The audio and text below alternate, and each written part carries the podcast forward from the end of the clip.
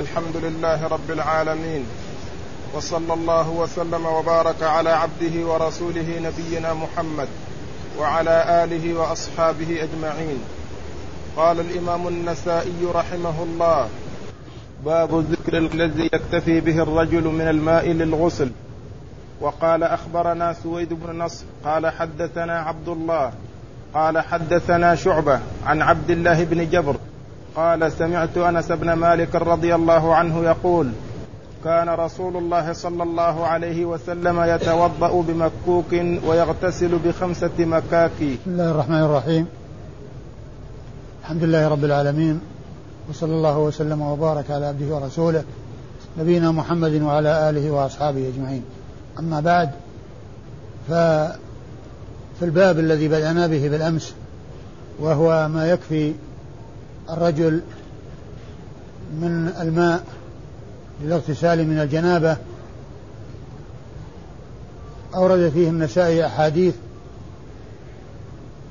تقدمت وبقي فيها حديث جابر بن عبد الله الأنصاري رضي الله عنه وكنا آخر ما قرأناه حديث أنس بن مالك أن النبي عليه الصلاة والسلام كان يتوضأ بمكوك ويغتسل بخمسة مكاكي. والحديث سبق أن مر في الأبواب السابقة وهو رقم الحديث 73 من الكتاب. وقيل في المكوك أنه المد وقيل إنه الصاع ولكن الأقرب أنه المد أو أو ما هو قريب من المد.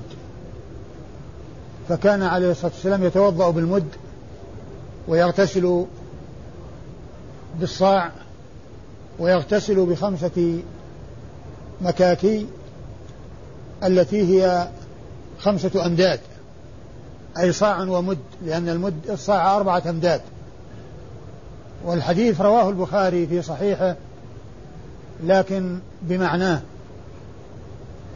ليس فيه ذكر المكاكي. لكن فيه ذكر أنه كان يتوضأ بالمد ويغتسل بالصاع إلى خمسة أمداد. ويغتسل بالصاع إلى خمسة أمداد. يعني أنه أحيانا يزيد على الصاع مد. وهو خمسة فيكون ما يغتسل به خمسة أمداد وهي والصاع أربعة أمداد. فيكون المقدار صاع ومد. هذا هو الذي دل عليه الحديث الذي معنا حديث أنس بهذا اللفظ وهو عند البخاري بذكر الأمداد. وهو عند البخاري بذكر الأمداد. و والرسول صلى الله عليه وسلم كان يغتسل بخمسة أمداد وبأربعة أمداد وجاء عنه أنه يغتسل بثلاثة أمداد. وعلى هذا فالتقدير بالصاع إنما هو تقريبي وليس بتحديدي ولكن كون الإنسان يبتعد عن الإسراف في الماء عند الاغتسال هذا هو الذي ينبغي لكن الأمر فيه سعة ولا تحديد فيه بحيث لا يزاد ولا ينقص بل الأمر يرجع إلى الحاجة والناس يتفاوتون. الناس يتفاوتون في أجسامهم وفي شعورهم وما و فبينهم فرق. فكان الأمر ليس فيه تحديدا وليس فيه تقي... ليس فيه تحديد وليس فيه تقييد بعدد معين والذي جاء عن الرسول صلى الله عليه وسلم إنما هو تقريبي ولهذا يأتي في بعض الروايات قدر كذا يعني أنه يقدر بكذا. والإسناد سبق أن مر سويد بن نصر المروزي آه ثقة خرج له الترمذي والنسائي وعبد الله بن مبارك شيخه ثقة ثبت إمام آه جواد مكثر آه مجاهد جواد قال ابن حجر جمعت فيه خصال الخير وحديثه عند أصحاب الكتب الستة. وإذا جاء سويد يروي عن عبد الله وعبد الله غير منسوب فيحمل على أنه عبد الله بن المبارك. وقد قالوا في ترجمة سويد أنه راوية عبد الله بن المبارك. فإذا عدم نسبته أي عبد الله بن المبارك لأنه معروف ومشهور ما دام سويد هو الذي يروي عنه فعبد الله هو ابن المبارك.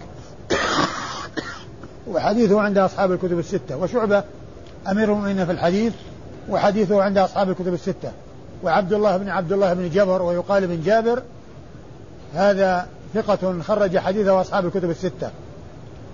وأنس صحابي الحديث خادم رسول الله صلى الله عليه وسلم وأحد السبعة المكثرين من رواية الحديث عن رسول الله صلوات الله وسلامه وبركاته عليه. نعم. قال أخبرنا قتيبة بن سعيد قال حدثنا أبو الأحوص عن أبي إسحاق عن أبي جعفر قال تمارينا في الغسل عند جابر بن عبد الله. فقال جابر يكفي من الغسل من الجنابة صاع من ماء. قلنا ما يكفي صاع ولا صاعان. قال جابر قد كان يكفي من كان خيرا منكم وأكثر شعرا. ثم أورد النسائي حديث جابر بن عبد الله الأنصاري رضي الله عنه وهو أنه كان عنده جماعة في مجلسه فتماروا في الغسل في القدر الذي يكفي في الاغتسال. فقال جابر ان أنه يكفي صاع أو أن الرسول كان آه، يغتسل بصاع. إيش قال؟ يكفي صاع؟ يكفي من الغسل من الجنابة صاع من ماء. يكفي من الغسل يكفي في الغسل من الجنابة صاع من ماء. يقوله جابر رضي الله عنه. فقال بعضهم ما يكفي صاع ولا صاعان. لا يكفي صاع ولا صاعان. فقال عند ذلك جابر رضي الله عنه كان يكفي من هو خير وأكثر شعرا منك منك أو منكم. قد كان يكفي من كان خيرا منكم وأكثر شعرا. قد كان يكفي من كان خيرا منكم وأكثر شعرا. وفي بعض الروايات أنه قال من كان خيرا منك وأكثر وأكثر شعرا خطاب لشخص معين فهو في حال ذكر الإفراد بناء على أن المتكلم واحد وفي حال الجمع بناء على أنهم جماعة وتحدث عنهم واحد فحصل الخطاب للجميع أو وجه الخطاب للجميع. والحديث دال على ما ترجم له المصنف وهو أن أن الرسول صلى الله عليه وسلم كان يغتسل بصاع وكان يكتفي يكفيه من الغسل آه، من الماء أنه الصاع ولما حصل البحث والمناقشة والكلام في المقدار الذي يكفي في حال الاغتسال قال جابر يكفي صاع يعني يشير بذلك إلى ما كان يفعله رسول الله صلى الله عليه وسلم. فقال بعضهم لا يكفي صاع ولا صاعان فعند ذلك أنكر وأظهر الإنكار وقال وشدد وقال يكفي من كان خيرا منك وأكثر شعرا وأوفر شعرا يعني بذلك رسول الله صلى الله عليه وسلم. يعني بذلك رسول الله عليه الصلاة والسلام. و وإسناد الحديث إيش يقول؟ أخبرنا قتيبة بن سعيد. قتيبة بن سعيد مر كثيرا وهو من شيوخ وهو من رجال الكتب الستة وخر وهو ثقة ثبت وحديثه عند أصحاب الكتب الستة. حدثنا أبو الأحوص. حدثنا أبو الأحوص. أبو الأحوص هذه كنية اشتهر بها سلام بن سليم وهو ثقة وهو الحنفي الكوفي وهو ثقة خرج حديثه أصحاب الكتب الستة. ثقة متقن خرج حديثه أصحاب الكتب الستة وهو مشهور بكنيته وهو مشهور بكنيته. يروي عن أبي إسحاق وهو السبيعي وهو عمرو بن عبد الله الهمداني الكوفي وهو ثقة حديثه عند أصحاب الكتب الستة. يروي عن أبي جعفر وأبو جعفر هذا هو محمد بن علي بن الحسين الملقب الباقر. آه، أحد الأئمة الاثني عشر عند الرافضة. وهو إمام من أئمة أهل السنة وهو محمد بن علي بن الحسين بن علي ابن أبي طالب رضي الله تعالى عن علي وعن الصحابة أجمعين. ورحم الله محمدا وغيره من التابعين وأتباع التابعين. فهو ثقة فاضل وحديثه عند أصحاب الكتب الستة وهو إمام من من أئمة أهل السنة. وأئمة أهل السنة وأهل السنة يتولون أهل بيت رسول الله عليه الصلاة والسلام ويحبونهم ويعرفون لهم فضلهم. ومن كان منهم تقي من كان منهم تقي فهو يحب لتقواه ولقربه من رسول الله عليه الصلاة والسلام. ولقربه من رسول الله عليه الصلاة والسلام. ولهذا كان أبو بكر الصديق رضي الله تعالى عنه وأرضاه يحلف ويقسم ويقول لقرابة رسول الله صلى الله عليه وسلم أحب إلي أن أصل من قرابته. والله لقرابة رسول الله أحب إلي أن أصل من قرابتي هكذا جاء عنه في صحيح البخاري. أبو بكر الصديق رضي الله عنه وأرضاه. وكذلك كان يقول ارقبوا محمدا في أهل بيته. كما جاء ذلك أيضا في صحيح البخاري. فهذه طريقة سلف هذه الأمة من الصحابة ومن بعدهم. أنهم يعرفون الفضل لأهل الفضل. ومن كان تقيا يحبونه لتقواه وهذا هو الأساس في المحبة.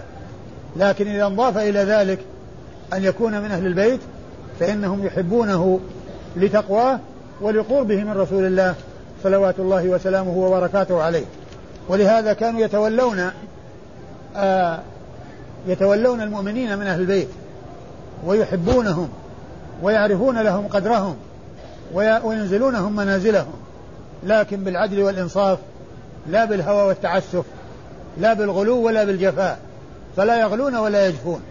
لا يتجاوزون الحدود فيفعلون كما تفعل الرافضة ولا يجفون بأن يتكلمون فيهم بقدح أو بما لا ينبغي وإنما يذكرونهم بما يليق بهم ويثنون عليهم ويحبونهم لتقواهم ولإيمانهم ولقربهم من رسول الله صلوات الله وسلامه وبركاته عليه.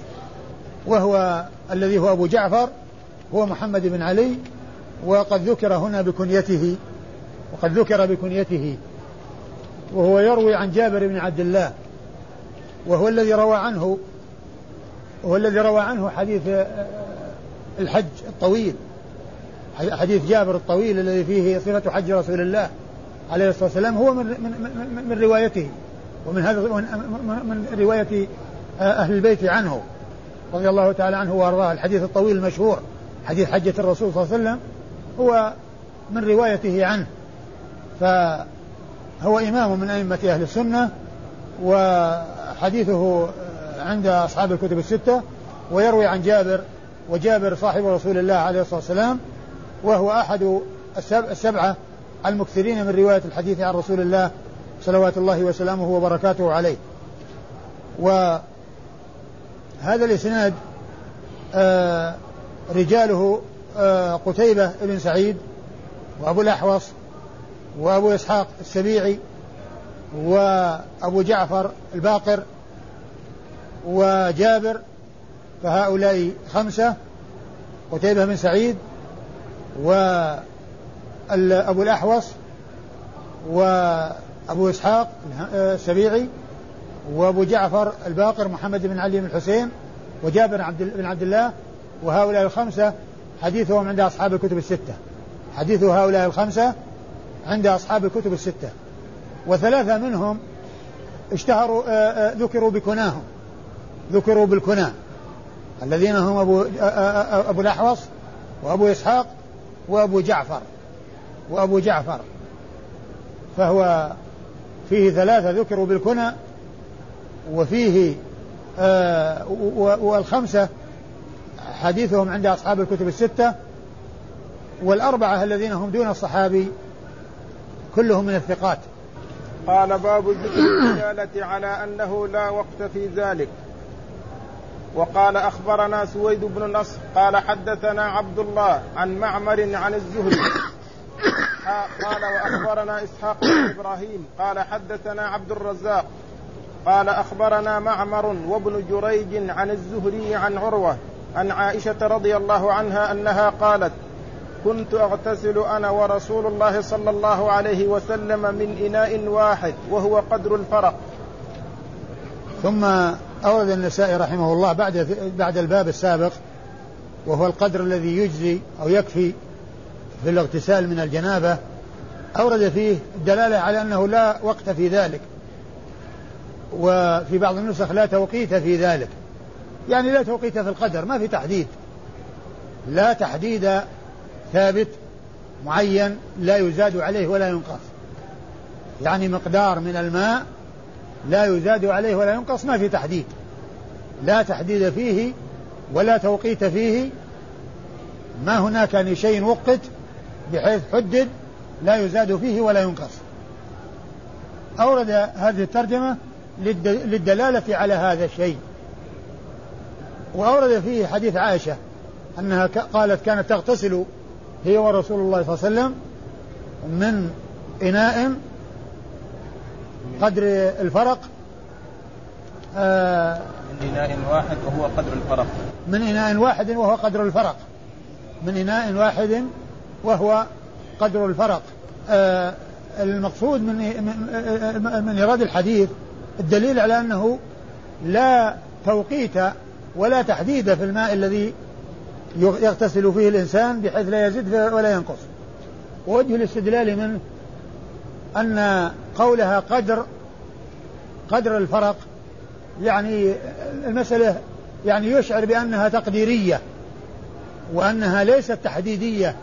ليس هناك تحديد وتقييد وأنه مقدار ثابت وكيل معلوم وإنما هو مقدر قدر الفرق. يعني يقدر بكذا. معناه أنه تخميني وتقديري. هذا هذا من وجوه الاستدلال بهذا الحديث على هذا الموضوع.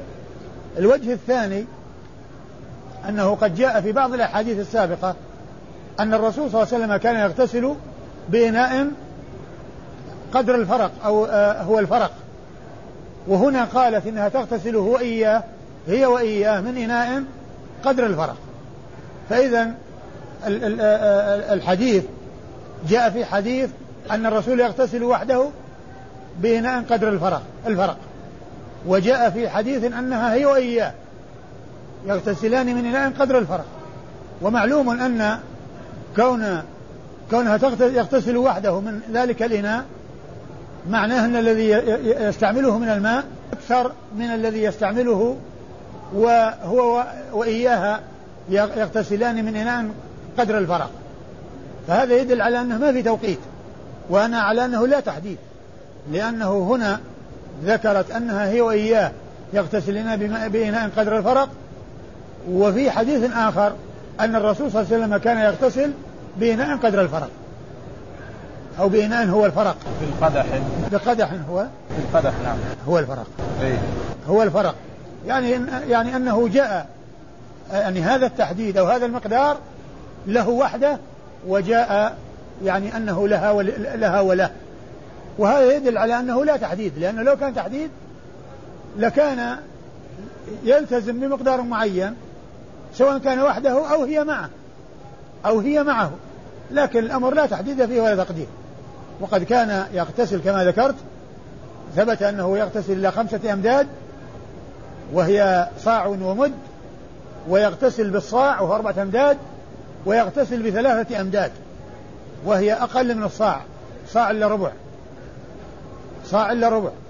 فإذا القضية لا تحديد فيها ووجود آه، يعني هذا وكونه يؤتى بلفظ قدر يعني هذا يدل على مسألة تقديرية وليست تحديدية.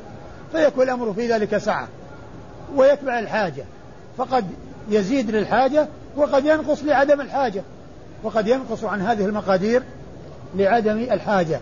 وإذا فالاستدلال بحديث عائشة هذا على آآ آآ من من وجهين من التعبير بقدر وأنه يفيد بأن المسألة تخمينية ومن جهة أن هذا القدح أو هذا القدر كان الذي كان يغتسل هو إياها فيه كان يغتسل به وحده.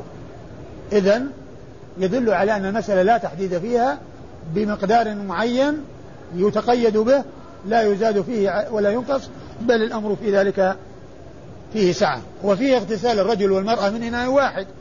اغتسال الرجل وأهله من إناء واحد. آه تتعاقب أيديهم ولا يؤثر ذلك. لا بأس به. قد جاءت به السنة عن رسول الله صلوات الله وسلامه وبركاته عليه. نعم. إسناد إسناد إيش الإسناد؟ أخبرنا سويد بن نصر.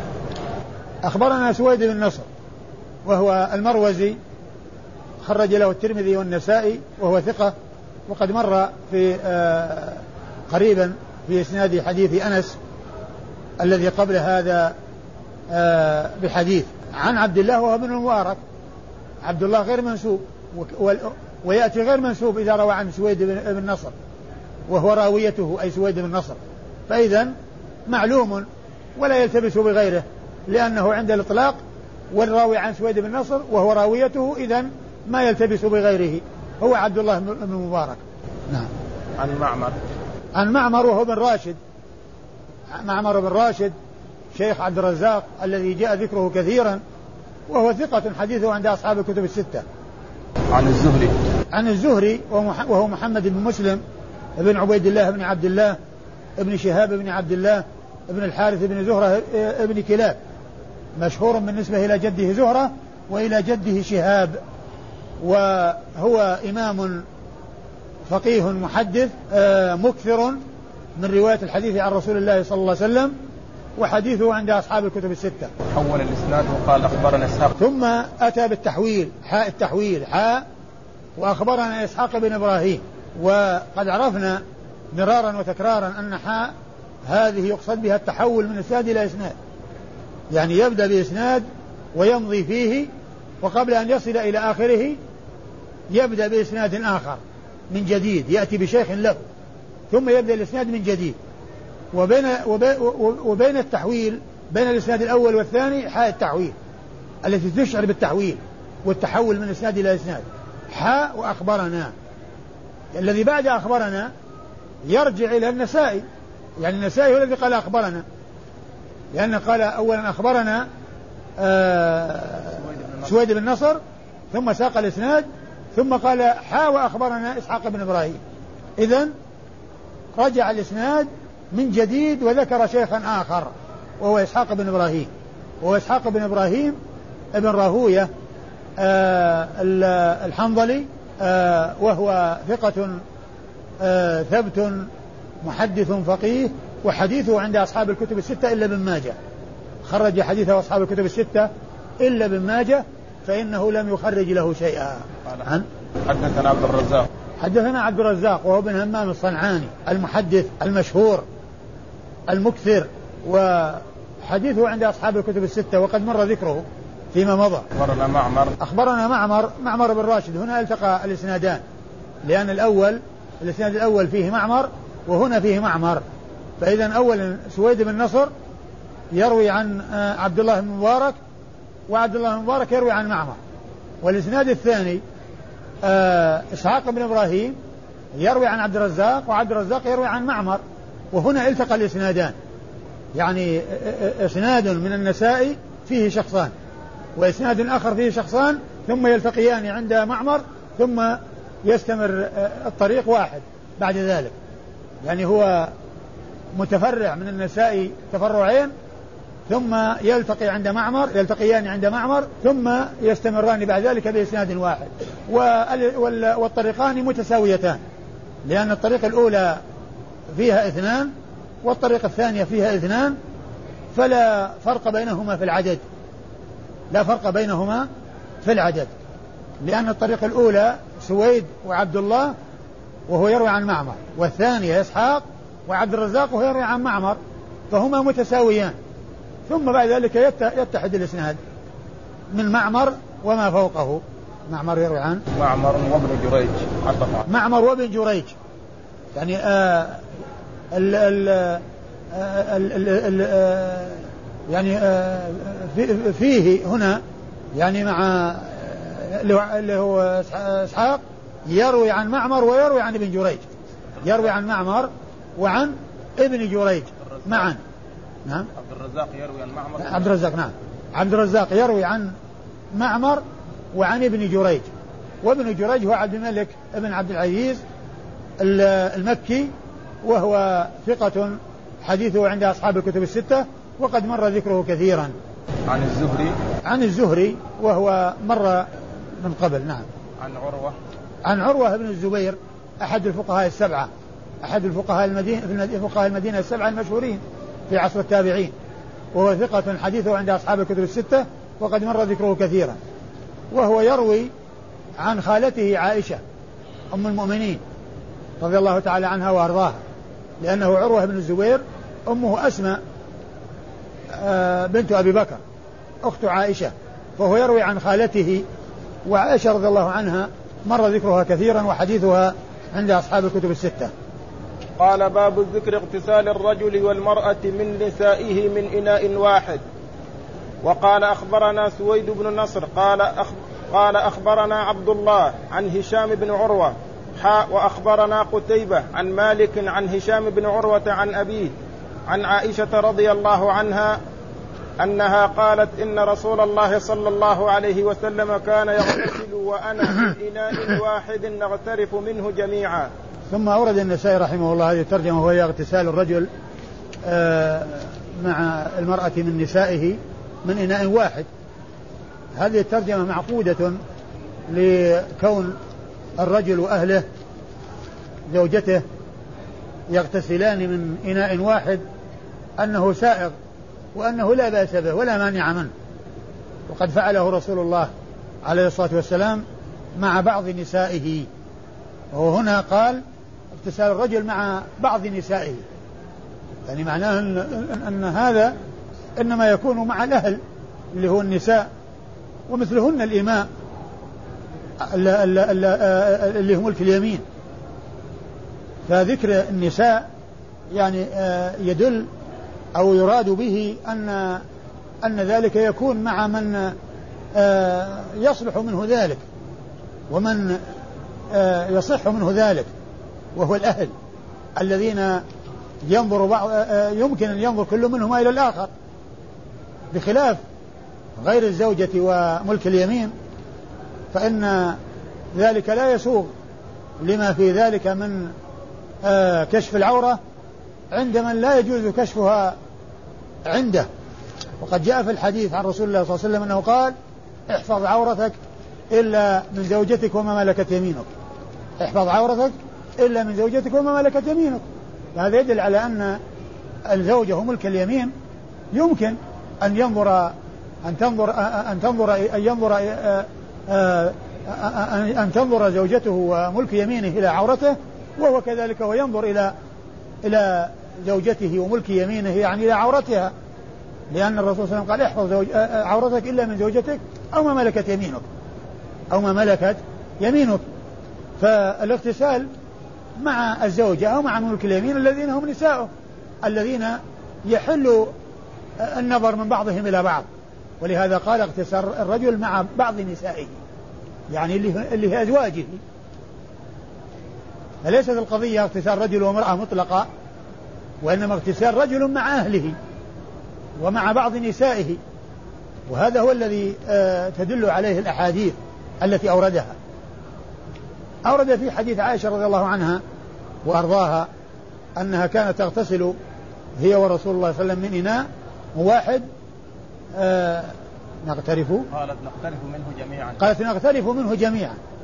يعني أن الإناء آه بينهما هي هو يدخل يده ويعني يخرج الماء ويغتسل وهي تدخل يدها وتخرج الماء وتغتسل.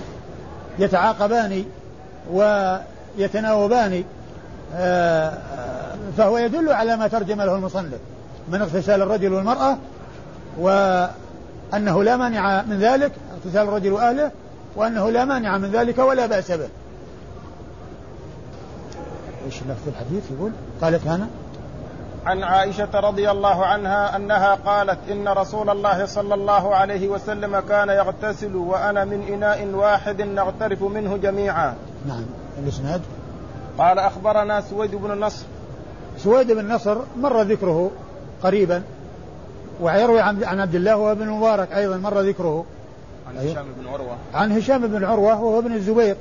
هشام بن عروة بن الزبير. ثقة يروي عنه أصحاب الكتب الستة. خرج له أصحاب الكتب الستة. عن أبيه. حاء وأخبرنا قتيبة. ثم ذكر تحويلا. أتى بحاء التحويل قال وأخبرنا قتيبة. وهو بن سعيد الذي مر ذكره كثيرا. وحديثه عند أصحاب الكتب الستة. عن مالك. عن مالك بن أنس إمام دار الهجرة. وهو أحد الفقهاء المعروفين وحديثه عند أصحاب الكتب الستة ومر ذكره كثيرا. عن عن هشام بن عروة. عن هشام بن عروة. عن هشام بن عروة وهنا التقى الإسنادان. عن هشام بن عروة عن أبيه عن أبيه وهشام يروي عن أبيه عروة بن الزبير أحد الفقهاء السبعة وحديثه عند أصحاب الكتب الستة ويروي عن عائشة وعائشة أم المؤمنين مر ذكرها كثيرا. قال أخبرنا محمد بن عبد الأعلى قال حدثنا خالد قال حدثنا شعبة قال حدثني عبد الرحمن بن القاسم قال سمعت القاسم يحدث عن عائشة رضي الله عنها أنها قالت كنت أغتسل أنا ورسول الله صلى الله عليه وسلم من إناء واحد من الجنابة. ثم أيضا أورد حديث عائشة من طريق أخرى وفيه ما في الذي قبله أنها كانت تغتسل هي ورسول الله صلى الله عليه وسلم من إناء واحد من الجنابة. لأن الغسل هو غسل جنابة فكانوا يغتسل كان يغتسلان من إناء واحد يغترفان منه. فهو مثل الذي قبله ودال على ما دل عليه الذي قبله وهو مطابق لما ترجم له المصنف. وإسناد الحديث؟ قال أخبرنا محمد بن عبد أخبرنا محمد بن عبد الأعلى وهو الصنعاني وهو ثقة مر ذكره كثيرا وروى له مسلم وأبو داود في كتاب القدر والترمذي والنسائي وابن ماجه. أي خرج له مسلم ولم يخرج له البخاري وخرج له أصحاب السنن الأربعة في سننهم إلا إلا أبا داود فإنه لم يخرج له في سننه وإنما خرج له في كتاب القدر له. نعم. عن خالد وخالد هو بن الحارث. ويأتي ذكر محمد بن الأعلى كثيرا يروي عن خالد وخالد غير منسوب أحيانا. والمراد به خالد بن الحارث وهو ثقة خرج له أصحاب الكتب الستة. عن شعبة. عن شعبة؟ وقد تقدم ذكره كثيرا. عبد الرحمن بن القاسم. عبد الرحمن بن القاسم ابن ابن محمد ابن أبي بكر الصديق وهو ثقة فاضل حديثه عند أصحاب الكتب الستة. عن أبيه القاسم. عن أبيه القاسم بن محمد ابن أبي بكر وهو أحد الفقهاء السبعة في المدينة المشهورين وحديثه عند أصحاب الكتب الستة. عن عن عائشة؟ نعم. عن عن عمته عائشة رضي الله عنها وقد تقدم ذكرها. قوله من الجنابة هذا يفيد شيء ولا؟ يفيد أن الاغتسال هو غسل جنابة ليس غسل غسل آخر من الأغسال التي لا علاقة لها بالجنابة.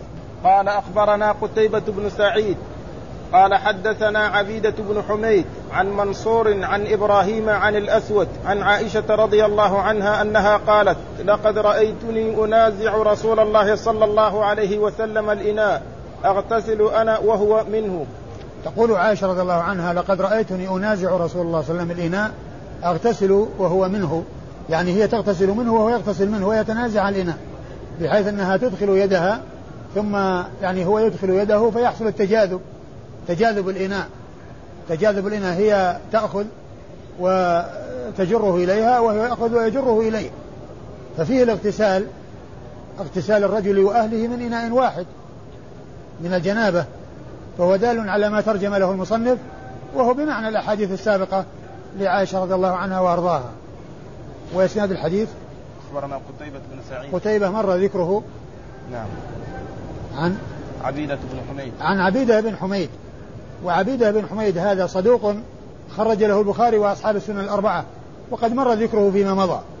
بالضم ولا بالفتح؟ بالفتح عبيدة وليس عبيدة. عندكم مكتوب عبيدة؟ مضبوط عبيدة هو خطأ بل هو عبيدة بالفتح ثم الكسر. عن منصور. عن منصور وهو بن المعتمر الكوفي وهو ثقة خرج حديثه أصحاب الكتب الستة. عن إبراهيم.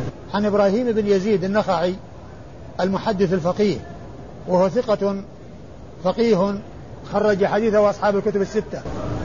عن الأسود. عن الأسود ابن يزيد النخعي وهو ثقة مخضرم حديثه عند أصحاب الكتب الستة. عن عائشة. عن عائشة وقد مر ذكرها. قال أخبرنا عمرو بن علي قال حدثنا يحيى قال حدثنا سفيان قال حدثني منصور عن إبراهيم عن الأسود عن عائشة رضي الله عنها أنها قالت كنت أغتسل أنا ورسول الله صلى الله عليه وسلم من إناء واحد. ثم أورد حديث عائشة أيضا من طريق أخرى وأنها كانت تغتسل هي ورسول الله صلى الله عليه وسلم من إناء واحد. فهو مثل الذي قبله وإسناد الحديث أخبرنا عمرو بن علي. أخبرنا عمرو بن علي وهو الفلاس. عمرو بن علي الفلاس الثقة المحدث الناقد الذي خرج له أصحاب الكتب الستة. حدثنا يحيى. حدثنا يحيى وهو بن سعيد القطان المحدث الناقد الثقة. حديثه عند أصحاب الكتب الستة. حدثنا سفيان. حدثنا سفيان وسفيان هنا مهمل يحتمل أن يكون ابن عيينة ويحتمل أن يكون الثوري وهو يروي عن منصور ويحيى بن سعيد القطان يروي عن السفيانين والسفيانان يرويان عن منصور ابن المعتمر فهو محتمل لهذا ولهذا. لكن آه، آه، حملة على أنه الثوري معت... لأن لأن ال... لأن منصور كوفي وسفيان الثوري كوفي وسفيان بن عيينة مكي. ولما كان ولما كان آه، سفيان ولما كان يحيى بن سعيد القطان يروي عن السفيانين. و السفيانان يرويان عن منصور بن المعتمر. صار الأمر محتملا لهذا ولهذا. فيحمل على من كان له, له بعلاقة أو له اتصال أو له باتصال أكثر. وما دام أنه من بلده الذي هو سفيان الثوري من بلد منصور بن المعتمر فيكون حمله عليه أقرب من هذه الناحية. حمله عليه أقرب لهذه العلاقة آه، والصلة التي بينه وبينه لكونه من بلده. ومعلوم الإنسان إذا كان هو إنسان من بلد يعني يتصل به باستمرار بخلاف إذا كان في بلد آخر. ما يتصل به إلا إذا راح إليه أو سافر لحج أو عمرة. إذا سافر إلى مكة لحج أو عمرة يلتقي بسفيان بن عيينة. أما منصور أما سفيان الثوري فهو معه في بلده الكوفة نعم ثم بعد ذلك منصور إلى آخر الإسناد. إيه، وبعد ذلك يتفق الإسناد مع الإسناد الذي قبله. قال أخبرنا يحيى بن موسى عن سفيان عن عمرو عن جابر بن زيد عن ابن عباس رضي الله عنهما أنه قال: أخبرتني خالتي ميمونة أنها كانت تغتسل ورسول الله صلى الله عليه وسلم من إناء واحد. آه الأحاديث التي مضت كلها عن عائشة وكلها تتحدث عن موضوع واحد وهو اغتسالها وإياه من إناء واحد. وهنا عن ميمونة يعني آه، صحابي آه، صحابية أخرى. أم أخرى من أمهات المؤمنين ميمونة بنت الحارث الهلالية رضي الله عنها وأرضاها تروي كما تروي عائشة أنها كانت تغتسل هي ورسول الله صلى الله عليه وسلم من إناء واحد. ويروي ذلك عنها ابن أختها عبد الله عبد الله بن عباس. لأن عبد الله بن عباس هو ابن لبابة بنت الحارث الهلالية. لبابة بنت الحارث الهلالية آه، أخت ميمونة بنت الحارث الإلهية فهي خالته فكان, فكان فيروي عنها هذا الحديث. آه، وهو من رواية صحابي عن صحابي. وإسناد الحديث؟ قال أخبرنا يحيى بن موسى. أخبرنا يحيى بن موسى. يحيى بن موسى هو البلخي. وهو ثقة خرج له البخاري و آه، والنسائي وأبو داود. وأبو داود. خرج له البخاري وأبو داود والترمذي والنسائي. ما خرج له مسلم ولا ابن ماجه. ما خرج له مسلم ولا ابن ماجه. عن سفيان. عن سفيان وهنا غير منسوب سفيان. سفيان غير منسوب. يحتمل الثوري ويحتمل ابن عيينة. لكن ذكر في ترجمة يحيى بن موسى أنه روى عنه روى عن ابن عيينة فيكون يحمل على أنه ابن عيينة. عن عمرو. عن عمرو بن دينار. وسفيان بن عيينة آه ثقة حديثه عند أصحاب الكتب الستة. وعمرو بن دينار ثقة ثبت حديثه المكي. عمرو بن دينار المكي ثقة ثبت حديثه عند أصحاب الكتب الستة أيضا. عن جابر بن زيد. عن جابر بن زيد وهو أبو الشعثاء. جابر بن زيد وهو أبو الشعثاء وهو ثقة خرج حديثه أصحاب الكتب الستة. عن ابن عباس. عن ابن عباس وهو ابن عم رسول الله صلى الله عليه وسلم وصاحبه وهو من المكثرين من رواية الحديث عن رسول الله عليه الصلاة والسلام وقد مر ذكره كثيرا. و ويروي عن ميمونة خالته وميمونة أم المؤمنين لها ستة وأربعون حديثا. اتفق البخاري ومسلم منها على خمسة وانفرد البخاري اتفق البخاري ومسلم على سبعة. وانفرد البخاري بحديث وانفرد مسلم بخمسة. وانفرد مسلم بخمسة. قال أخبرنا سويد بن النصر قال حدثنا عبد الله عن سعيد بن يزيد قال سمعت عبد الرحمن بن هرمز الأعرج يقول هذا الأخير؟ هذا الحديث الأخير؟ أيوه ولا قبله. لا الأخير. هذا آخر حديث؟ نعم. إيه. بس نقف. والله تعالى أعلم وصلى الله وسلم وبارك. على عبده ورسول نبينا محمد وعلى آله وأصحابه أجمعين.